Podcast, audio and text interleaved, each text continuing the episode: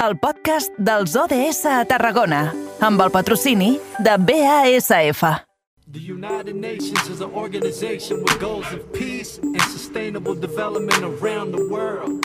Their mission is huge, but we're breaking it down in two minutes. 17 sustainable... Moment idoni ara d'aturar-nos als estudis de BX Ràdio amb aquesta sintonia que ens acompanya de fons i que de ben segur tots vostès hauran identificat. És la de l'espai ODS, la de l'espai Objectiu Desenvolupament Sostenible, l'Agenda 2030 de les Nacions Unides que vam començar a recórrer a principi de setembre quan vam començar aquesta temporada. Un dels puntals, podríem dir que ens acompanya eh, des que vam començar i fins, esperem, final de temporada, el mes de juliol, i qui sap, si l'any que ve ens renoven, potser tornarem a tenir, aixecarem el segon pilar dels ODS.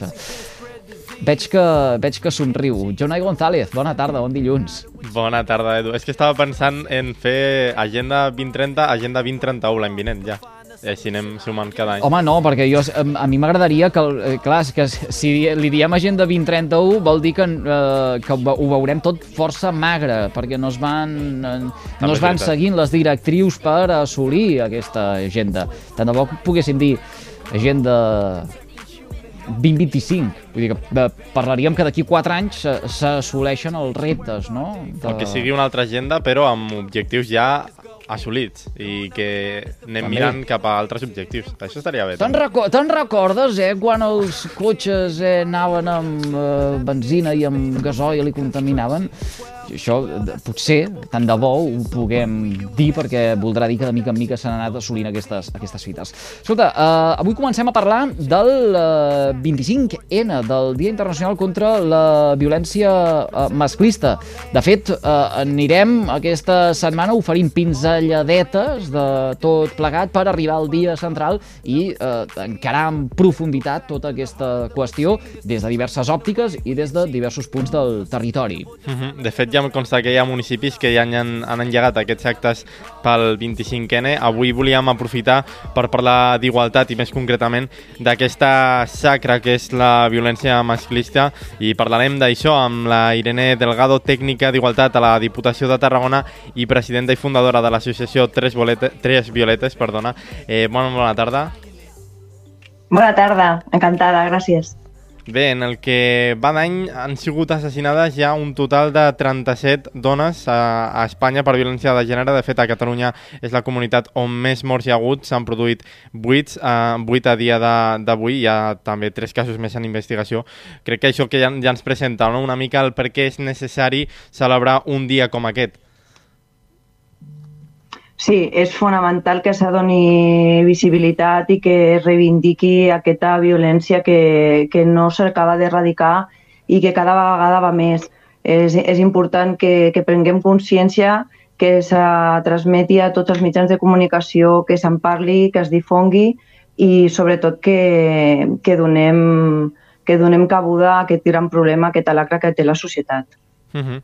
Aquesta xifra s'ha anat reduint al cap dels anys, tampoc significativament, però sí que a poc a poc es veu que es va reduint. Per desgràcia parlem d'això, de xifres i no d'aquests noms de, de les dones que han mort en mans de, de, de, dels altres homes. S'estan produint menys assassinats, però la por també cada vegada va més, a, més, més amunt. No sé què ens queda per fer per evitar tot això és que és el principal problema que tenim. El, el principal problema que té aquesta societat envers la, la violència masclista és la por que tenen les dones de, de denunciar, de fer-ho de fer visible, què pensaran sobretot uh, què pensaran les famílies, què pensaran els amics, què pensaran si denuncio, com s'ho poden esperar de mi. Uh, hi ha aquest gran problema de la por. La por és el que tira cap enrere i la por no és lo que ens, lo, la por les mata i la por és el que les paralitza i, i sobretot uh, és el, és, és el gran problema que, que s'ha de, que de solucionar. Treure aquest, aquesta por, aconseguir trobar mitjans per treure aquesta por. Uh -huh. De fet, parlant d'això, 29 de les 37 víctimes mortals d'aquest any no havien denunciat el, els seus agressors. Parlem d'això, de, de la por a possibles uh, represàlies. No sé si hi ha vegades que també parlem d'aquestes denúncies, però no parlem de les denúncies que han sigut efectives. Per exemple, els mitjans de comunicació per donar veu a que aquestes denúncies sí que en, sí que poden ajudar a, a les dones maltractades? És que, per desgràcia, um, el, el, el, el, principal problema que tenim aquí és el sistema judicial i és que no és efectiu. Aleshores, és tot una roda. El, el no ser efectiu el sistema judicial quan es demanen mesures cautelars, ordres d'allunyament o intervencions, o saben que quan se denuncia per violència els propis, a vegades les, els propis cossos de seguretat no donen verosimilitud ni veracitat a el que estàs dient, o després no hi ha, no hi ha una sentència condemnatòria, o saps que al, al poc temps sortirà, eh, fa que, o que denuncis i saps que quan arribis a casa te'l tornaràs a trobar i rebràs una pallissa, tu o els teus fills, eh, això et tira cap enrere. Aleshores, eh, és un problema. És un problema que, que fa que, que, que no, hi hagi, no hi hagin denúncies i que les que hi hagin, quan, quan per desgràcia arriben a, al sistema judicial, eh, moltes o les acaben, de, acaben retirant per por perquè tornen amb els seus agressors o no, o no, no hi ha cap tipus de, de justícia per a aquests agressors. En tot cas, eh, està clar eh, que el que convé fer és eh, aquesta denúncia, però el que eh, també hem d'anar a buscar és que no calguin aquestes denúncies perquè mm, l'òptim, l'ideal seria que eh, no hi haguessin aquestes actituds masclistes ni aquestes actituds eh, violentes eh, que, que fa que haguem de repassar aquestes eh, dades que són tan, tan tristes i, i lamentables. Totalment d'acord què és el, què és el que Totalment. falta o, o què, què, què és el que ens convé o com es treballa tot això en aquesta societat en què, en què vivim, en què s'està fent molta feina a, a, a instituts i a escoles, però que sembla que quan ens tornem adults ens oblidem de, de tot aquest coneixement i de tot el que ens ha ajudat a créixer com a persones. Eh, sí, uh, amb educació, és l'educació, però l'educació ja només eh, no a escoles i a instituts, perquè jo també vaig per escoles i instituts, vaig de primer de primària fins al batxillerat, uh, és a casa. Jo tinc nen i nena, com uh, tinc fills, nen i nena, i els educo igual, no? I, i els educo, per exemple, eh, no educo el meu fill perquè quan vegi una noia al carrer canvi de vorera perquè la noia no se senti eh, malament o tingui por. Eh, l'educo a que respecti a les dones i a la meva filla l'educo perquè se senti segura i perquè també respecti als altres. Eh, hem de continuar amb l'educació, hem de continuar insistint des de la infància i a, l'adolescència. I si insistim, insistim, jo crec que, que és el camí que hem de seguir per on hem d'anar, des de l'educació, per iguals.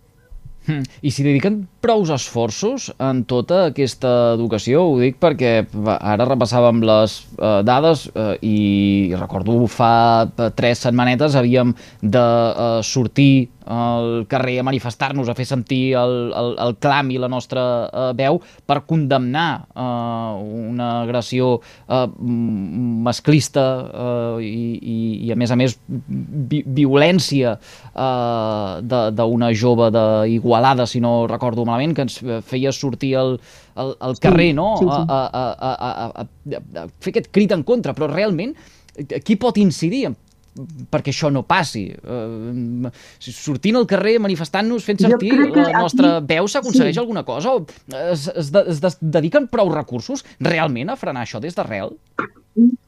No, no, tenim la sensació i tenim aquesta impotència i per això està molt bé que, faci, que fem el 25N, però per mi el 25N és cada dia, quan ho treballem cada dia, quan fem conscienciació cada dia, quan ajudem a una persona cada dia a sortir d'aquesta situació, les institucions, els polítics, des de les polítiques eh, transversals, des dels cossos de seguretat, des del sistema judicial, eh, hem de donar una seguretat, una seguretat a les víctimes, una seguretat des del minut 1 en què tu reps la primera i els centres sanitaris, des, de, des del minut 1 en què reben una denúncia, s'activi tot un, un protocol que realment garanteixi que aquestes persones estaran segures, que aquestes víctimes rebran una atenció i que hi haurà una condemna justa. En el moment en què aconseguim això i que se destinin recursos, eh, aleshores eh, anirem pel bon camí. Mentrestant, eh, és una, és, eh, sentim impotència perquè fem un, guardem un minut de silenci per a aquestes 37 dones o 38, però eh, hem d'anar més enllà, ja no ens podem quedar així,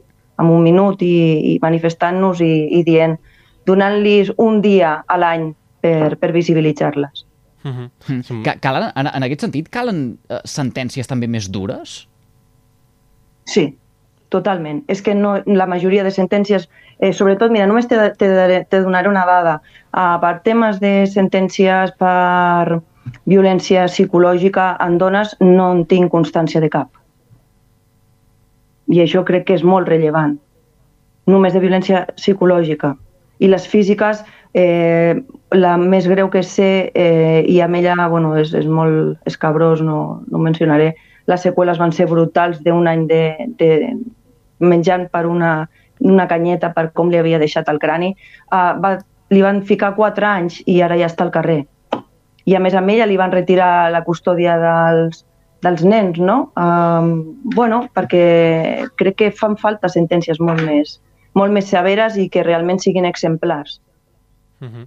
I parlem també d'aquestes mesures preventives, també haurien de ser eh, més, més... Efectives. Més efectives, no? Sí, sí, totalment. Han de ser més efectives. Realment tu quan vas i demanes una ordre d'allunyament has de saber que realment quan truques perquè, perquè l'està vulnerant arribin efectius a temps i, i, no, i no acabi passant el que, el que passa. Uh -huh. Els grans sí, oblidats... Sí, és fonamental que aquestes mesures. Uh -huh. Els grans oblidats també d'aquesta xacra són, són els nens, fins a 24 nens han perdut uh, els, seus, els seus pares en aquesta xacra de la violència de masclista. Què passa amb aquests nens després? No en sabem més.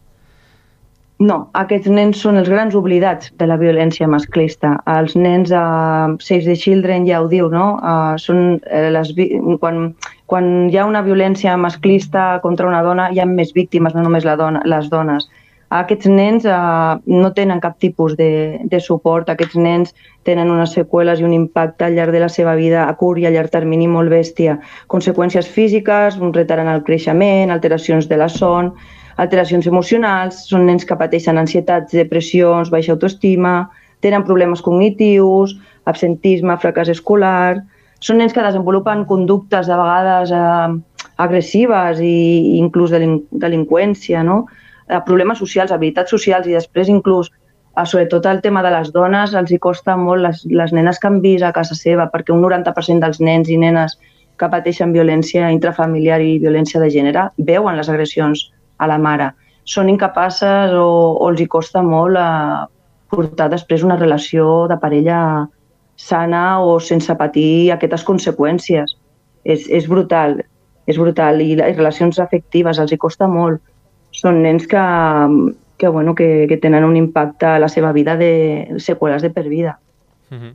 Suposo que també han de rebre eh, aquesta ajuda psicològica al llarg de la, de la seva vida i, i d'altra banda, no sé si eh, aquesta vessant que poden desenvolupar agressiva també es cura amb educació, com al final amb tots els nens, no? Sí. Amb, amb aquesta educació per fer sí. que... al final... Sí, sí, perdona, perdona. No, sí, sí, acaba, ves, ves, ves. No, no, és que al final, al final passa... Tornem a lo mateix, no? Si el sistema funciona, eh, també funciona amb els nens. Els nens necessitarien eh, aquest seguiment, a no oblidar-se, no oblidar-se d'ells, aquest seguiment psicològic, aquests tractaments, eh, no fer 10 sessions, 20 sessions i després oblidar-nos d'ell. S'ha de fer un seguiment, una reeducació, un acompanyament, sobretot una escolta i sobretot a, a les mares amb aquests nens que es queden que es queden, o nens que es queden sols perquè els hi han matat la mare, no? Aquests nens han de rebre un suport i aquestes nenes un suport psicològic i un acompanyament molt de temps. I és important que les institucions estiguin i destinin, sobretot, com deia el teu company, destinin recursos. Hmm. Eh, de cara a aquest uh, dijous, de cara a aquest uh, eh, 25 de novembre, què és el que es preveu fer des de l'Associació de Tres Violetes? Uh, quin és, si és que s'ha pogut organitzar algun tipus d'activitat ara que tenim a moda d'altaveu aquestes vuit emissores de la xarxa al Camp de Tarragona per fer una crida, quin és el missatge que podem llançar? El missatge que volem llançar és que qualsevol persona que sapigueu, que conegueu, que veieu, que detecteu, que intuïu que està en aquest tipus de, de situació, escolteu-la, acompanyeu-la, recolzeu-la i se'n pot sortir. Eh, hi, ha, hi ha sortida i des de Tres Violetes eh, oferim el servei totalment, ofereixo el servei totalment eh, altruista d'acompanyament, i faré una xerrada in, in streaming per, per, sobre la violència de gènere perquè tothom que, que vulgui eh, pugui, pugui entrar en matèria. Moltes gràcies per, per haver-me convidat aquesta tarda. Irene Delgado, tècnica d'Igualtat a la Diputació de Tarragona i presidenta i fundadora de l'Associació Tres Violetes. Gràcies, que vagi molt bé. A reveure. A vosaltres, a reveure.